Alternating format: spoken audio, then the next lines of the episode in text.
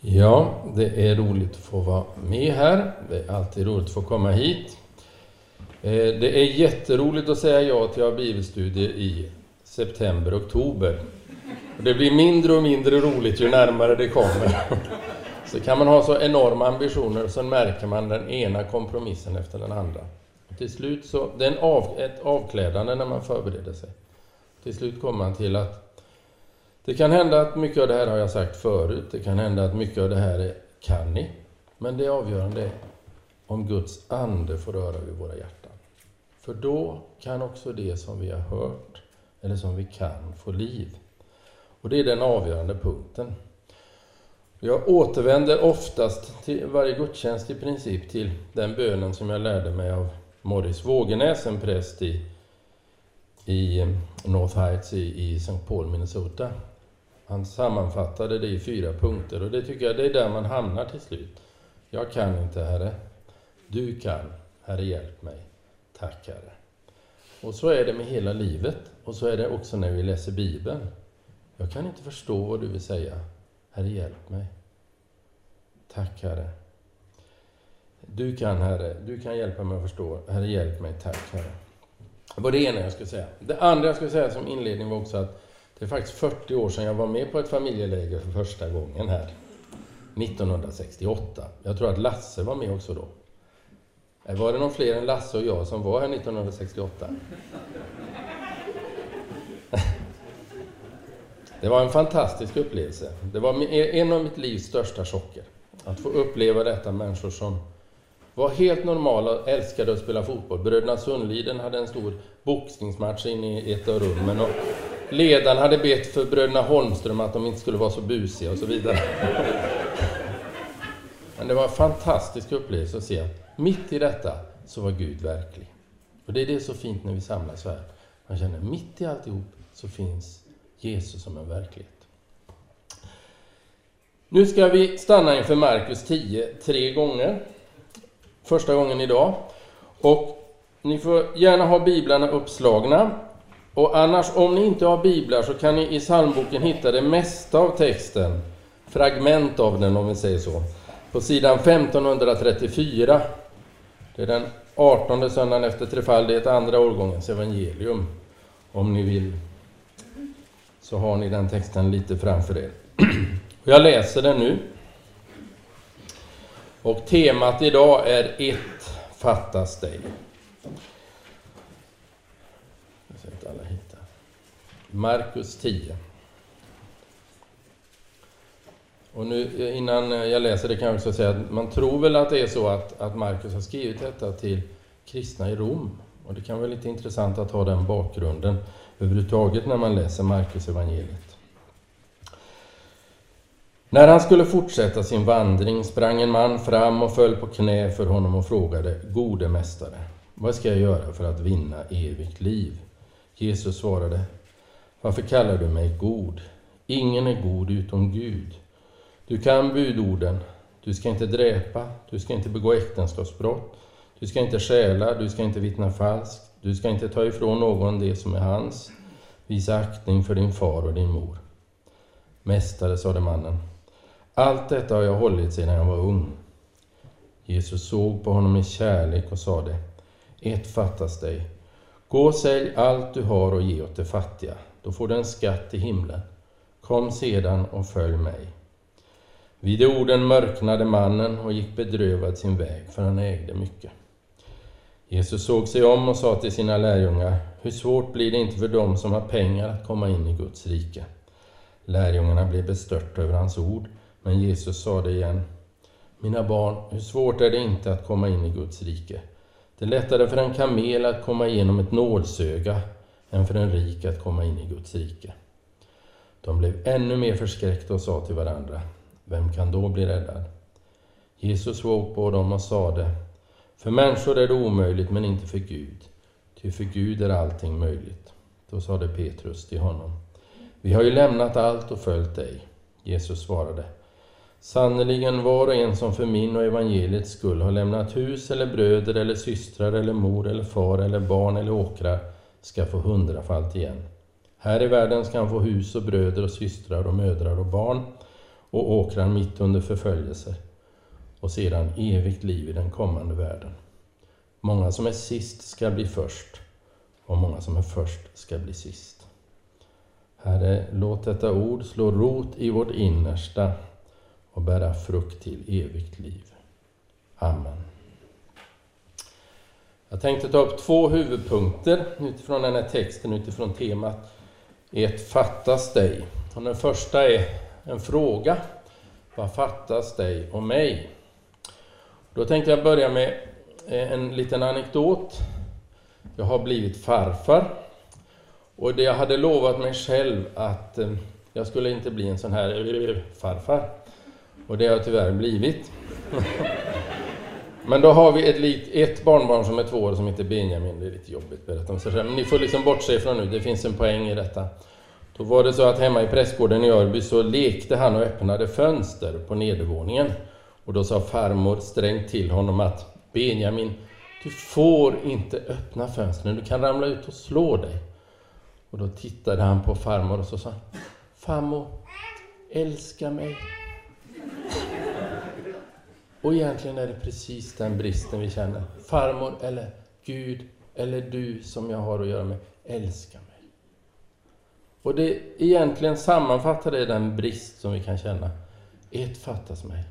Jag längtar efter att vara älskad. Jag längtar efter att hitta en plats för mig. Nu tänkte jag ta upp fyra saker som tar upp vad fattas oss. Det första är bristen. Tänk nu den här mannen. Han var rik. Han bar förmodligen på en längtan efter något mer. Vi lever i den rikaste delen av världen och ändå så är det ju, kan vi konstatera så att det finns så otroligt många olyckliga människor i, i vår, våra sammanhang överhuvudtaget i vårt land. Han längtar efter en helhet förmodligen. Han längtar efter att få evigt liv, inte bara det liv han hade. Och Jag tycker bara att det kan vara bra att vi reflekterar över det. Rik, längtar efter mer, men han eh, visste inte, han visste att det inte gav evigt liv. Den här längtan efter evigt liv. Jag funderar på det. Varför måste man gå på spinning? Jag menar inte att det är fel att gå på spinning, men jag bara säger, varför måste jag spela innebandy eller fotboll? Är det i det en längtan efter att kunna förbli evigt ung? Jag börjar inse det att det gör ont överallt. Vi bär alla på någon form... Eh, och rynkorna, vad ska vi göra av dem? Och det här kan vi inte tala om. Det finns en längtan efter att bli odödlig. Det finns djupt där inne, fast vi kan inte klä det i längtan efter evigt liv kanske. Men så kommer det här också. 55 är jag nu. Snart är jag pensionär, fick vi höra om igår. Och så tänker man, är livet slut då? Och jag minns när Karl-Erik Salberg på ett oasmöte berättade om Levi Petrus. Så började han räkna upp vad Levi Petrus hade gjort i sitt liv. Och det mesta som hade skett, det hade skett efter 65 års ålder. Det är en liten utmaning. Fundera på. Och ändå, det rör sig bara inom den här sfären. Längtan efter evigt liv, det är efter något mer. Som inte kan täckas av alla de mål som vi uppnår. Det finns en längtan efter helhet, det sökte den här mannen. Han sökte sig till Jesus, han försökte sätta in sitt liv i ett sammanhang. Och ibland tänker jag, vi, vi talar ju om att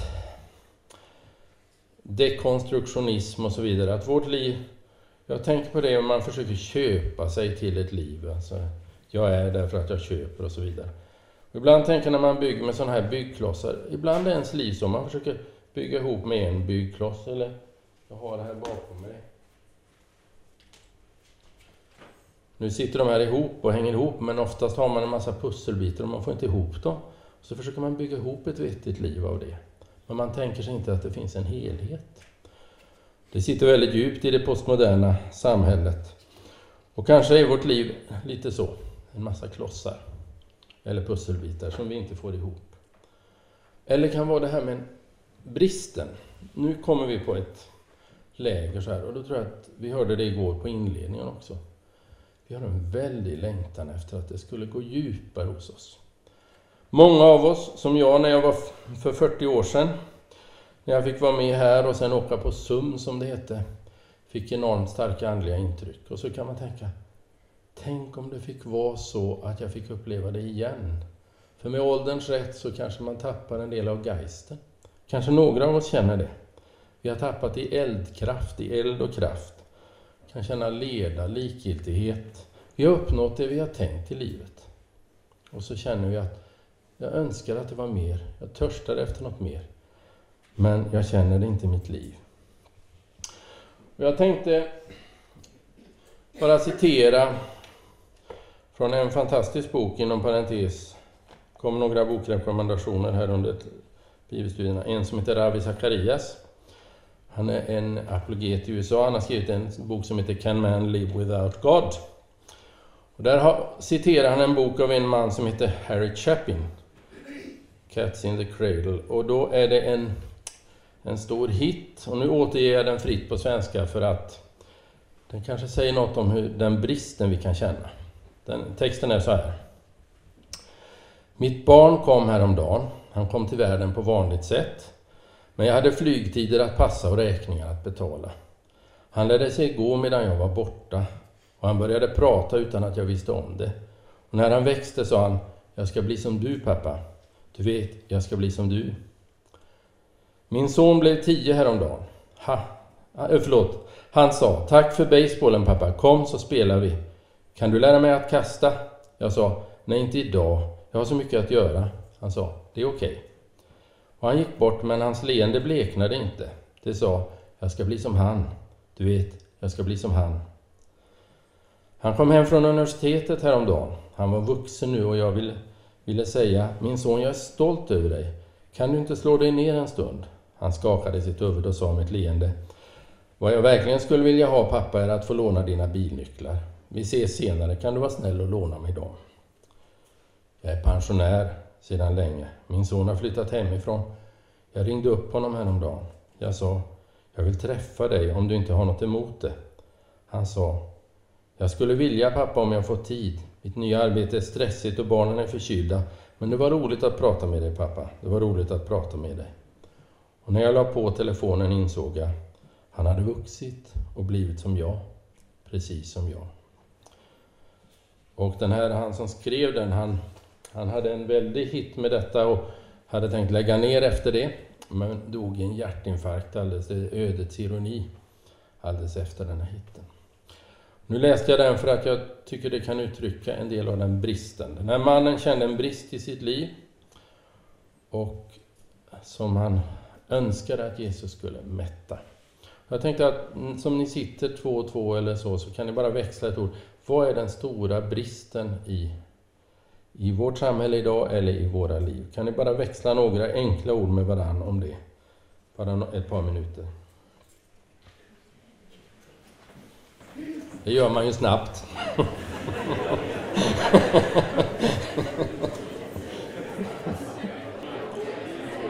ja, jag ber om ursäkt att jag, jag sätter igång er och så avbryter jag. Och, men poängen är att ni får fortsätta det samtalet. Men jag tror att det är viktigt ändå att, att liksom ändå bli klar över det. Att uttrycka det, vi hörde det igår kväll också, att uttrycka vad är det jag blev ledsen för, vad är det som är min nöd? Vad är det jag bär på? Det första var bristen som den här mannen kände. Det andra, det är att det fanns en synd i hans liv. Jag vet inte om ni tänker på det, när Jesus räknar upp budorden, vers eh, 19 och följande om ni har biblar, du ska inte dräpa och så vidare, så är det andra tavlans bud som han räknar upp. Men han tar inte upp första tavlan. Du ska inga andra gudar ha vid sidan av mig. Utan när han har lagt fram buden för mannen och han säger jag har hållit dem. Då säger Jesus, ett fattas det. Och då kommer han åt den punkt i hans liv som är den avgörande, nämligen hans girighet. Det är det som han har byggt sitt liv på, pengarna. Och nu tror jag, jag vill bara lyfta fram det som en sak, för jag tror att det är alltså så att man talar inte så mycket om synd idag. Men synden är vårt djupaste problem. Han frågade utifrån sin egen egen värld. Synden är att vi inkrökte i oss själva. Synden är att vi skulle... Vi älskar inte Gud över allting och inte vår nästa som oss själva. Vi älskar vår nästa om vi kan tjäna på det. Det sitter så fruktansvärt djupt detta. Och då kan det också vara så att man vill följa Jesus och ta Jesus på allvar. Så gör man den ena kompromissen efter den andra. Petrus i sitt övermod säger här, jag tror att det är övermod i alla fall. Vi har ju lämnat allt och följt dig. Han är ganska upptagen av att vi har ändå lyckats med detta. Och vi vet när han står på översteprästens gård, där börjar en liten kompromiss. En liten glidning som leder till att han förnekar Jesus.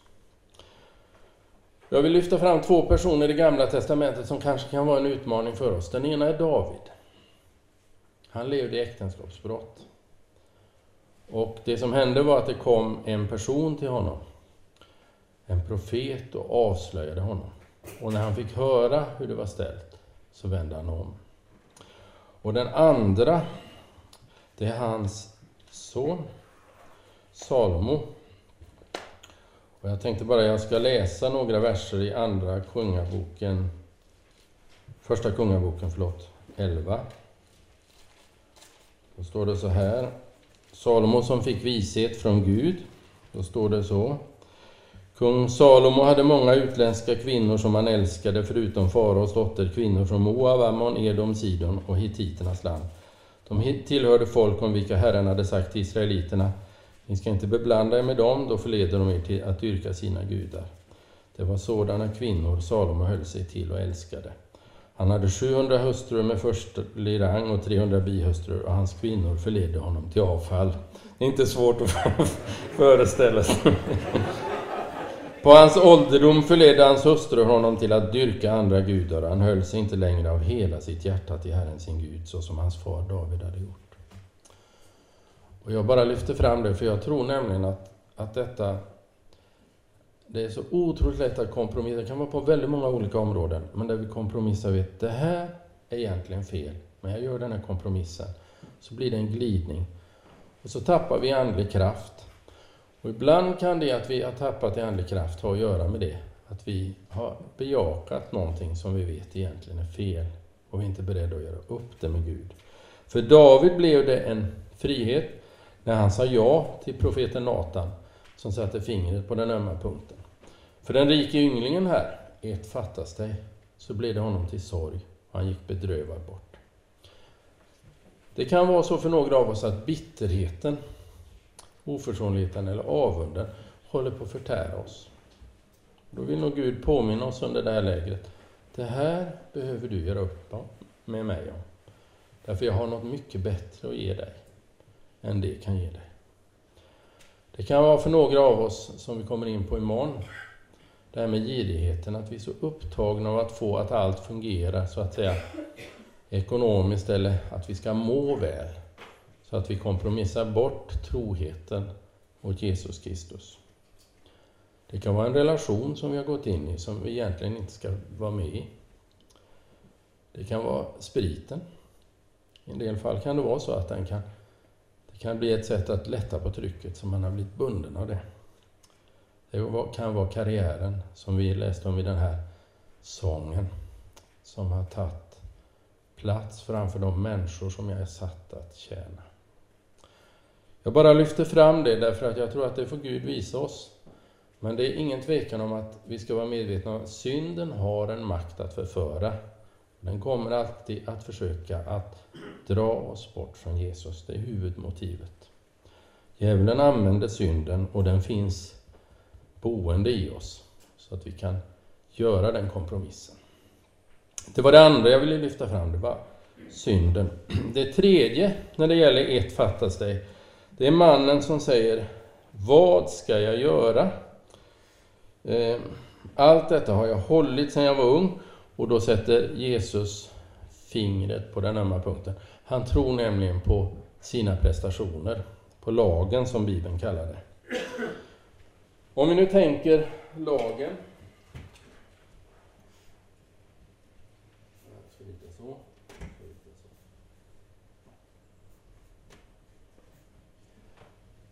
Så vår kallelse som människor är att älska Gud över allting och vår nästa som oss själva. Det här har ju rubbats genom att synderna kommit in. Och nu utmanar Jesus honom på lagens punkt och han säger att han har hållit den, den yttre uppfyllelsen. Och sen kommer då den ömma punkten. Och jag tror att detta sitter så fruktansvärt djupt inom oss, att vi lever i en form av förhandlingsförhållande till Gud. Nu har jag gjort det, då ska vi Gud höra min bön. Nu kan jag inte se några särskilda syndafall i mitt liv. Nu är det mycket lättare att tro att Gud ska höra min bön. Men en dag som jag har varit en riktig eh, pest för min omgivning och jag skäms över mig själv, kan jag då tro att det finns en öppning när jag talar med Gud? Finns det nåd då? Vi vet ju det principiellt att det finns nåd, men tror vi det? Det är ju där problemet är. Eh, tänk bara så här, jag har tänkt på det många gånger, man vet att så där borde jag inte sagt.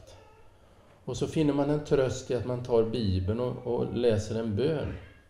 Och man försöker hitta trösten i att det här, den här andliga övningen gör jag ändå. Men nåden handlar om att Gud kommer till oss mitt i till och med i där det blir alldeles galet och börjar om med oss. Om ni slår upp Galaterbrevet 3, så ska ni, eh, vers 10-14, så kan vi bara se Guds krav. Det finns ju felaktiga krav som vi människor har, men det finns också rättmätiga krav som Gud ställer på oss. Han ställer det kravet, älska Gud över allting och din nästa som dig själv. Han vill att vi ska vara heliga, att vi ska återspegla Gud, att vi ska vara Guds avbild helt och fullt. Och då, om vi försöker det genom det som vi uträttar på olika sätt, utan att det nya livet får fylla oss, Jesuslivet, då blir det alldeles galet. Och då kan vi se i vers 10-14, jag kommer läsa dem i Galaterbrevet 3. Men över alla dem som litar på laggärningar, alltså litar på min bibelläsning, min bön, min snällhet, min godhet, mina andliga övningar, att jag sköter min skatt och så vidare. Men över alla dem som litar på laggärningar, som att det skulle ge mig ett gott förhållande till Gud, över alla dem vilar en förbannelse. Det står ju skrivet Förbannade var och en som inte håller sig till allt som står skrivet i lagens bok och fullgör det. Och klart är att ingen blir rättfärdig i Guds ögon genom lagen. Ty den rättfärdige ska leva genom tron och lagen bygger inte på tron. Det heter ju att den som håller buden ska leva genom dem. Kristus har friköpt oss från lagens förbannelse genom att för vår skull ta förbannelsen på sig. Som det står skrivet, förbannade var och en som hängs upp på en träpåle. Så skulle hedningarna genom Kristus Jesus få den välsignelse som gavs åt Abraham och vi sedan får den utlovade anden på grund av tron. Alltså detta är någonting som är väldigt, väldigt tydligt i Bibeln, inte minst hos Paulus. Vi kan se det ännu tydligare i Romarbrevet 1.18 till 3.20. Vi ska inte slå upp det nu. Men där poängen är i alla fall att vi människor, vi kan försöka leva ett redigt liv. Och det, på ett sätt, det är riktigt att göra det därför att då avslöjas vi. Och samtidigt så måste vi finna nåd och få den helige Ande boende i oss för att Guds liv ska strömma genom oss. Men då är poängen att våra, våra liv består av en mängd synder. Till och med i våra mest fromma gärningar kan vi avslöjas med Ja, nu ska människor se hur from jag är. Eller man kommer till nattvarden och så tänker man tänker man på en människa som är där och har någon tanke om den. Det har ni aldrig varit med om. Jag har själv varit med om det. Allt det här, det finns alltså, om man börjar skärskåda sig själv och gå igenom som Jesus säger, den som, som vredgas på sin broder är skyldig till domstolens dom. Så när, när, vi börjar avslöjas på den punkten och se mer och mer, då ser vi också att jag kan hålla lagen utåt sett. Jag dräper ingen människa, men jag är avundsjuk och jag snackar skit om människor. Alltså finns det här inne. Och då avslöjas vårt hjärta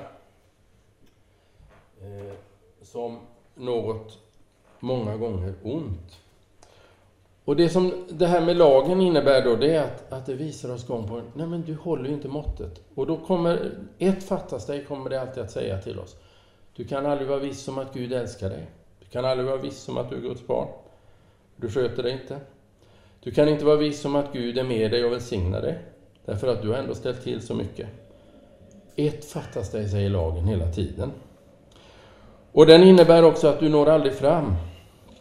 Jag minns i, när det var en väldigt karismatisk period i Credo och jag var anställd och då jag minns att jag kände mig ganska nere just då. Då var det en som kom fram till mig och sa så här. Ja, men det är bara att lovsjunga så mår du bättre. Och det var precis det jag kände. Jag var nere i skorna och sen kom jag långt under skorna, för det var det jag inte kunde. Jag kunde inte ens samla ihop mig till lovsång. Ett fattas det. Gör bara det, så ska du nå upp till detta. Och då är poängen med lagen, och det är väldigt tydligt, då ber jag er gå till Romarbrevet 3, 19-20. Det som egentligen händer med den rike ynglingen nu, den, den unge mannen här, ett fattas dig. Det är att lagen vill visa oss, du kan inte nå fram till Gud genom dina försvarstal eller dina förhandlingar. Du kommer aldrig att få Guds välsignelse på det sättet. Och då står det i vers 19 och 20 i tredje kapitlet. Vi vet att lagens ord riktas till dem som äger lagen, för att varje mun ska tystas och hela världen underkastas Guds dom. Till genom laggärningar blir ingen människa rättfärdig, alltså kommer i våg med Gud inför honom. Lagen kan bara ge insikt om synd. Alltså det vi får höra när vi får höra Gud eh, tala till oss om buden, det är att vi får en ram och i det är ett evangelium i en mening, i vid mening. Men framförallt så talar lagen till vårt inre så att vi avslöjar oss och ser, du kan inte nå Guds välsignelse genom vad du uträttar, utan det ges du som en gåva gratis. Det är detta som kanske, jag vet att vi har, jag har nämnt det förut, men kanske allra tydligast tycker jag det kommer fram i äktenskapsbryterskan. Det är så fantastiskt. Hon blir tagen i sängen med en annan man. Hon släpas fram inför de skriftlärda och så ska de döma henne till stening. Och så ritar Jesus i sanden, böjer sig ner och så säger han den som är utan synd kastar första stenen. Och så börjar de droppa av den ena efter den andra. De blir träffade av lagen och sen droppar de av. Och så gör vi ofta, jag kan inte leva som kristen, jag kan inte leva upp till detta, och så lägger vi av. Men det gör inte hon. Hon står kvar. Och så har hon ingenting att visa upp, utan det är bara, det är bara rodnad över hela hennes ansikte och bara pinsamt alltihop. Och så tittar Jesus på henne och så säger han, inte heller jag dömer dig, gå och synda inte mer. Alltså hon får en ny start för att hon står kvar i sin skam och förnedring inför Gud. Och då öppnar Jesus en ny dörr. Och jag tror att detta är väldigt viktigt, för jag tror att väldigt, väldigt ofta består mitt liv i alla fall av ett försvarstal. Jag försvarar det jag har gjort och jag ska förklara det jag har gjort och så säger jag att jag gjorde ändå rätt. Istället för att väldigt ofta erkänna, ja men jag gjorde faktiskt fel mot den människan. Förlåt mig Gud och kanske också anledning att be en människa om förlåtelse. Vi kan inte möta Gud utan total renhet. Och det är därför, ni kan den här skissen kanske, men det är därför som det står i Galaterbrevet 3 att Kristus blev en förbannelse för att vi inte skulle drabbas av förbannelse. Man, vi brukar ju rita det så här att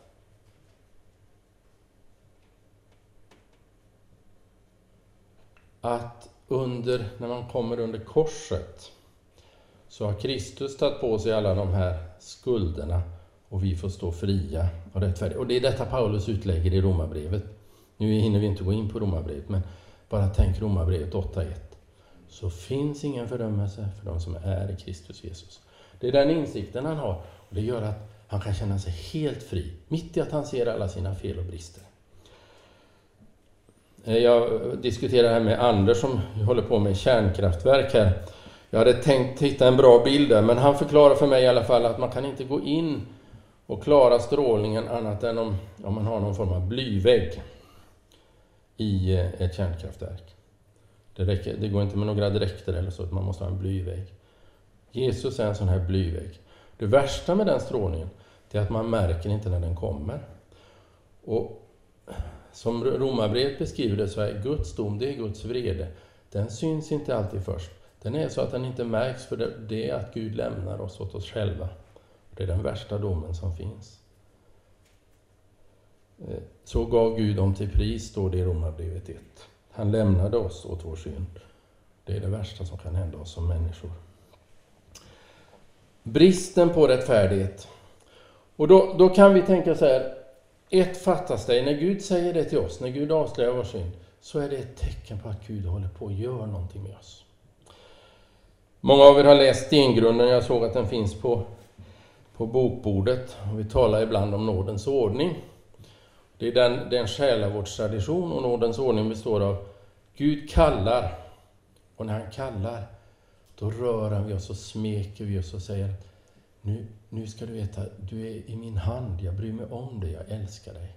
Sen fortsätter Gud sitt arbete och så börjar lampan att lysa på det han vill förändra i vårt liv. Det kallas upplysningen. Först genom lagen, då avslöjas bristerna. Det ställs en diagnos, den store läkaren tittar på oss. Så ingen läkare här, utan den store läkaren i himmelen tittar på oss och säger Det här, det här har jag dött för. Det här vill jag ändra på. Och det är just när vi ser det som risken är att vi gör som den rike ynglingen. Vi säger, nej men jag duger ändå inte. Det är just det där öppningen egentligen finns till ett djupare liv med Gud. Därför att när vi ser det så vill Gud säga, här finns en annan väg att gå. Vi kommer tillbaka till det alldeles strax. Det var det tredje jag ville nämna, detta med lagen. Att vi ska ta lagen på allvar, den kommer avslöja oss. Och då kommer vi också se att det finns en annan väg att gå som kallas trons väg. Och det är det som sker med den här rike ynglingen, att han går inte den vägen utan han går bort. Och så den fjärde, det fjärde jag vill nämna som då också ligger ganska nära det som vi har varit inne på, det är avgudarna. Han nämner alltså inte första tavlans bud. Du ska inga andra gudar ha vid sidan av mig, du ska inte missbruka Herren i Guds namn och tänk på vilodagen så att du helgar den. Alla de tre handlar om att vårda relationen med Herren. Och då i det så ligger ett avslöjande också, nämligen vad är den punkt som jag vilar djupast sett mot? Det som är min Gud, det är det jag vilar djupast sett mot. Det är min avgud, eller min Gud. Och då vill jag att vi ska läsa Matteus 6, eh, vers 19 till 23. 19 till 21 och så vers 24. Vi kan nöja oss med dem. Jag kommer in lite mer på det imorgon, men Matteus 6. Jag läser det annars, om ni har psalmböcker så kan ni bara lyssna. Samla inte skatter här på jorden, där mal och mask förstör och tjuvar bryts in och skär. Samla skatter i himlen, där varken mal eller mask förstör och inga tjuvar bryts in och skär. Ty där din skatt är, där kommer också ditt hjärta att vara. Och så vers 24. Ingen kan tjäna två herrar. Antingen kommer han att hata den ene och älska den andra, eller att hålla fast vid den ene och inte bry sig om den andra. Ni kan inte tjäna både Gud och mammon. Mammon är just att jag har ratten själv. Gud får gärna vara med som passagerare, men han får inte styra. En avgud är just det att, att man låter någonting styra mitt liv som inte är Gud på något sätt. Eller att jag själv styr och tror mig styra i alla fall. Jag vill ändå utmana oss på den punkten, för jag är övertygad om att vi har avgudar. Varför är vi så rädda för vad andra ska tycka? Givetvis för att det finns en avg ett avguderi att, att vara omtyckt, uppskattad. Varför är detta med karriären så viktigt? Det kan vara en avgud. Alltså allt som vi har fått som gåvor måste vi vara beredda att för Kristi skull lämna ifrån oss. Kan han ge oss det tillbaka. Men när vi inte kan lämna det till Gud, då är det ett tecken på att det har blivit en avgud. Ehm, jag tror att vi i vårt land eh, är lite präglade, jag kan tala för mig själv kanske mer. Love, peace and understanding, det präglar oss. Och det betyder så här. Jag vill inte lida. Jag vill inte lida för min tro. Jag vill inte sticka ut. Jag vill inte utsätta mig. Det kan ju inte bara drabba mig, det drabbar kanske min familj. Vi ska inte söka lidandet, men det finns också det här när vi söker välbefinnandet. Ni kommer ihåg den här boken, den, den eh, långa flykten heter den väl av Richard Adams, har ni läst den? Kaninerna med den lilla profeten som får reda på att de ska sticka. Så kom de till ett jättefint kaninställe där allt är frid och fröjd och kaninerna är så stora och välmående. Och de undrar, hur kan det vara, det är någon otäck stämning där. De har gått med på en kompromiss, nämligen att människorna får plocka vilka kaniner de vill, när de vill. Men de lever i högsta välmåga. Det tror jag är risken att vara i en mening som vi på ett sätt är statskyrka för oss som tillhör Svenska kyrkan. Det finns en frestelse i att pengarna skapar en trygghet som bara Gud egentligen kan ge. Och det gäller hela vårt liv. Ja, jag ska citera då Psaltaren 115 som kan utmana oss när det gäller våra avgudar. Eh, ni får gärna slå upp den, jag tycker det är en väldigt talande text. Vers 3 till 8.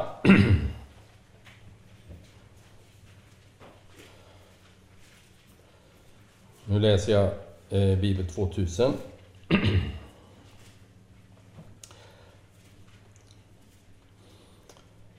Vår Gud är i himlen, allt vad han vill det gör han. Deras gudar är silver och guld, verk av människohänder. Mun har det, men kan inte tala, ögon, men kan inte se. Öron har det, men kan inte höra, näsa, men känner ingen lukt. De har händer, men kan inte gripa, och fötter, men kan inte gå.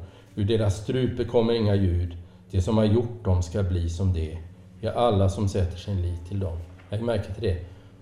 De avgudar vi gör, de börjar vi likna. De gudar vi har, de återspeglar vi. Jag vill citera också Jeremia 10 som är ett så roligt ställe om avgudarna. Jag kan få läsa det för er.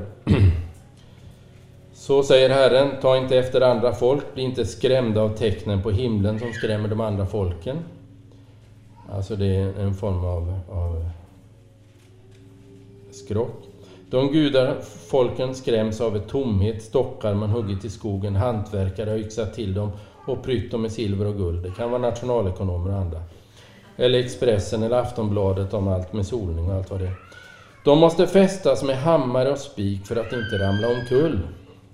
De liknar fågelskrämmor på ett gurkfält. De kan inte tala, de måste bäras, de kan inte gå.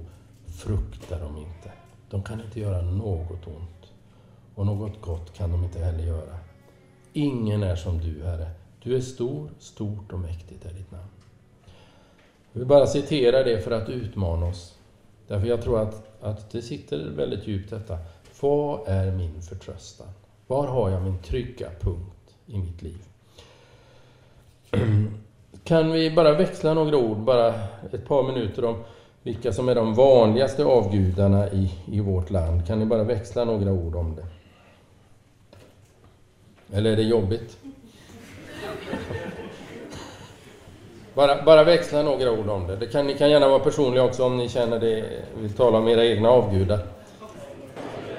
Ja, förlåt mig att jag gör så här. Och det, det, jag vet att det är ett väldigt uttryck för det plastiska samhället, de här snabba, ytliga kontakterna och sen bort. Men jag vill samtidigt säga att det är tanken med detta är också att vi ska fortsätta det här samtalet med varandra. För det är egentligen det det handlar om. Tänk ändå, tänk ändå det perspektivet som finns i Bibeln. Första Kungaboken 18. Bal, alltså fruktbarhetsguden. Där man liksom tänker att jag ska bygga mitt välstånd och mitt välbefinnande. Och man samlas där och de profeterna springer runt och Elia är tyken mot dem och driver med dem. Och, och försöker, de ska tända på ett offer där på altaret. Och de gör allt de kan för att få sin Gud bara att tända på offret. Sen går, sen går då eh, Elia fram och så ber, eh, häller han vatten på offret. Så ber han Herre visa att det är du som är Gud. Och så smäller det. En blixt från klar himmel för det var torka. Och så förtärs offret. Mycket tydligare kan det inte sägas. Herren är Gud. Och det är också hälsningen till oss. Vad vi än tänker nu, så är det så att Herren är Gud. Det är inte vi. Och därför behöver vi inte vara rädda. Vad som än händer, så är Herren Gud. Det är de fyra sakerna jag vill utmana oss till. Vad fattas dig och mig? Bristen som vi kan känna synden som kanske vi har kompromissat med, lagen, tron att vi ska hålla ett försvarstal för oss själva eller förhandla med Gud, vilket är en fullständigt felaktig väg, och avgudarna, att ha fel punkt man vilar mot. Och då tänkte jag ta den andra och sista punkten och det är det är sammanfattat under temat Herren är min herde, mig skall inte fattas. För det är det det är. Det är det som händer här. Jesus som den gode heden möter den här mannen. Han möter dig och mig. Och han gör tre saker som han påminner oss om. Och egentligen, jag tog ett pussel här, nu är det så litet, men Egentligen, det står att när vi skapades så skapades vi till Guds avbild. Och Paulus utlägger det i Kolosserbrevet 1 och säger att vi skapades i Guds avbild. Och med det menar han att formen där vi hör hemma, det är denna avbild som är Kristus. Och det betyder att jag, den lilla pusselbit jag är, hittar bara rätt hos Herren min herde. Och då blir det någonting. Det här är början till Sverige inom parentes på det pusslet, men det spelar ingen roll. Utan just poängen är att jag hittar mitt hem. Och då är det tre saker här i texten som jag vill lyfta fram som Jesus ger mannen och han vill ge oss. Det första är att han ger ett rum. För det är ändå så att han tittar på mannen med kärlek. Han samtalar med honom. Och då tror jag att i det finns en hälsning i vers 21 där det står Jesus såg på honom med kärlek. Det är en utgångspunkt för oss. Jesus ser på dig med kärlek. Vi kan ha ställt till det på en väldig röra i vårt liv, eller drabbats av saker som vi inte kan förklara och vi inte kan förstå varför Gud, varför blev det så här? Gud, låg du bakom detta? Varför drabbades jag av sjukdom och lidande? Varför blev det den där skilsmässan? Varför blev det på det sättet? Då står det ändå så här, Jesus såg på honom med kärlek. Och det kan vi vara helt övertygade om, alla vi som är här. Vår livssituation så ser Jesus på oss med stor kärlek.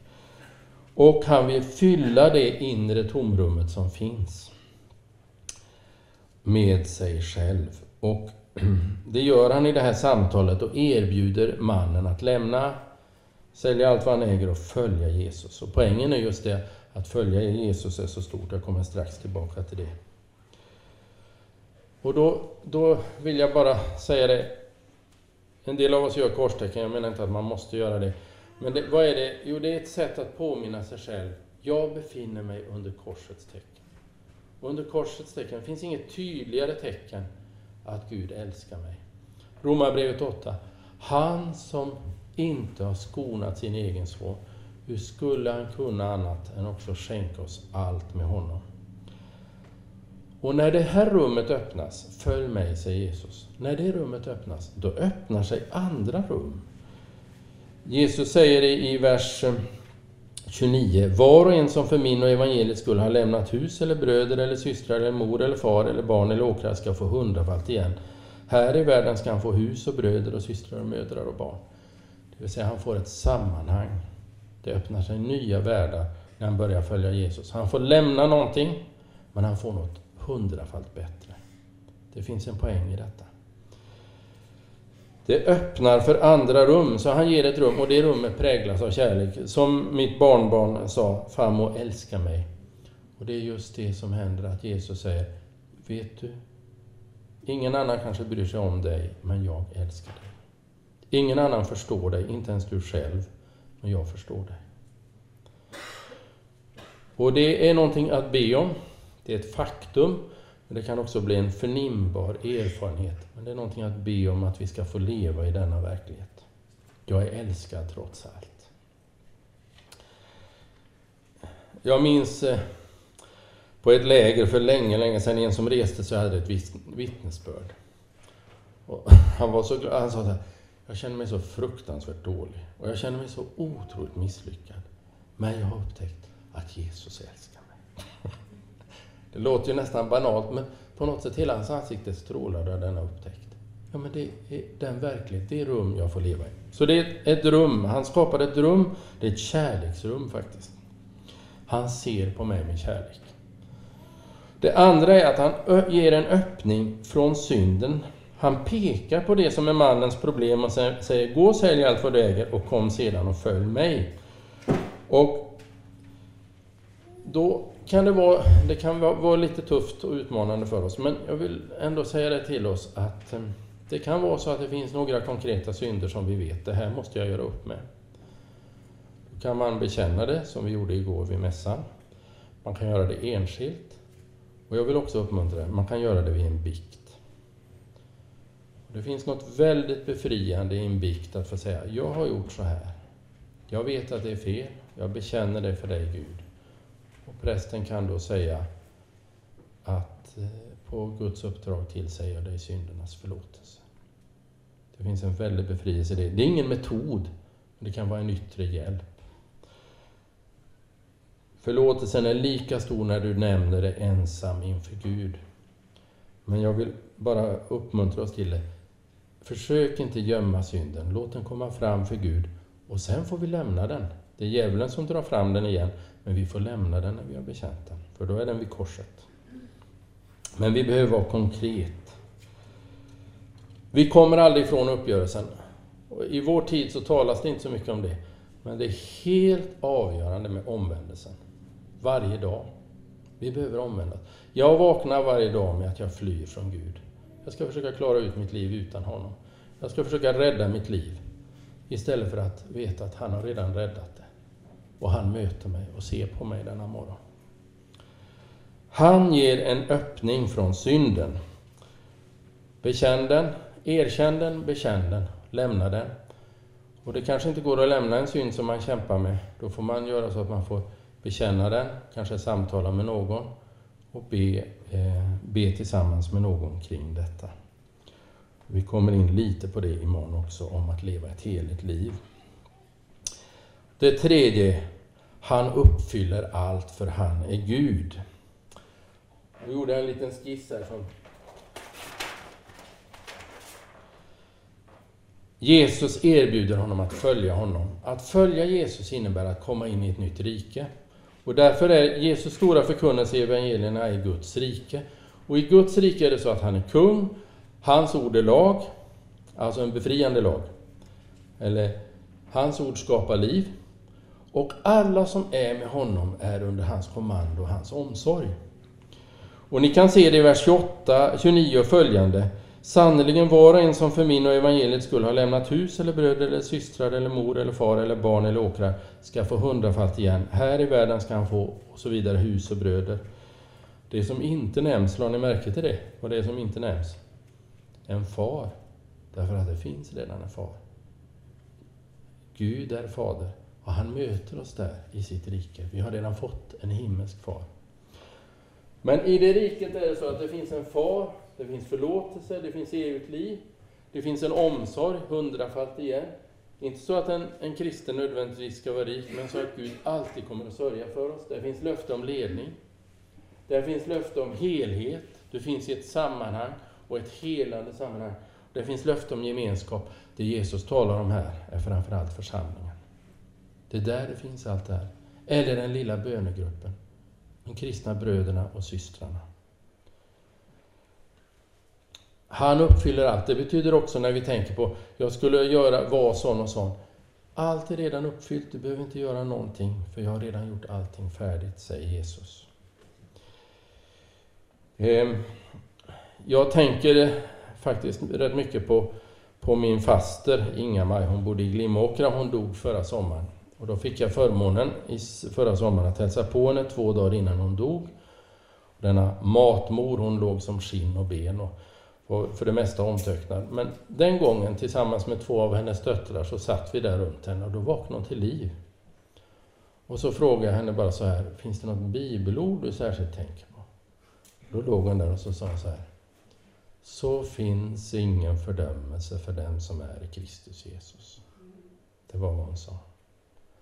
Vilken trygghet när man ligger där alldeles på sitt yttersta. Så finns ingen fördömelse för den som är i Kristus Jesus. Jag kan vara så glad för Gud har öppnat himlen. Hela hans himmelska förråd är öppnat. Han ser med välbehag på mig. Han älskar mig. Han vill mitt bästa. Han har lovat att leda mig. Han har lovat att allt samverkar till det bästa. Det är fullt av löften. Det är inte sagt därmed att det är enkelt och att det bara svävar som i en gammal Hollywoodfilm där man svävar lyckligt bort. Och ändå, mitt i det svåra, så finns Guds välsignelse och omsorg där. Den finns gömd mitt i kanske det som verkar vara mörker. Det är det som är så märkligt. I Guds rike, där är det så att den som sköter hela, så att säga, ekonomin, Guds oikonomia, Guds hushåll, det är husfadern själv, det är Gud. Och där så sörjer han för resten med oss. Sen får vi använda vårt förstånd och förnuft, men vi får ändå vara trygga. Han har hand om mig och dig. Så det var de tre sakerna. Herren är min herde, mig skall inget fattas. Han ger ett rum, ett kärleksrum till oss. Han ger en öppning från synden så att vi kan få göra upp med den och lämna den.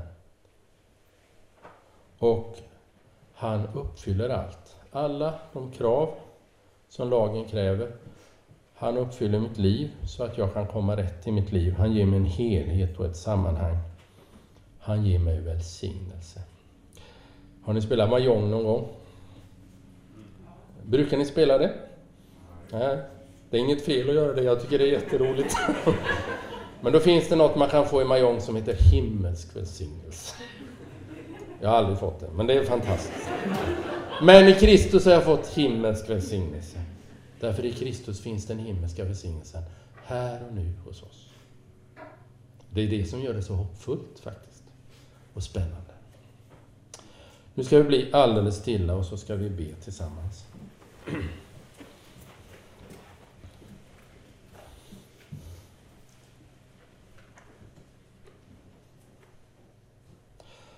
Herre Jesus Kristus, vi tackar och lovar dig för att du såg på den här mannen med så mycket kärlek och att du ser på oss med så mycket kärlek. Du ser bristerna i våra liv, det som vi kanske inte ens kan uttala, som bara en sorg som vi bär på. Du ser kanske synden som kan ha snärjt oss. Eller vårt behov av att prestera och tro att det är nödvändigt för att du ska älska oss. Du ser det som vi vila mot som inte är hållbart. Herre, tala nu till oss. Avslöja oss där vi behöver avslöja oss. Upprätta oss och låt oss få se att vi kan få vara med i ditt rike. Och att det finns inget tryggare än att få vara dina lärjungar.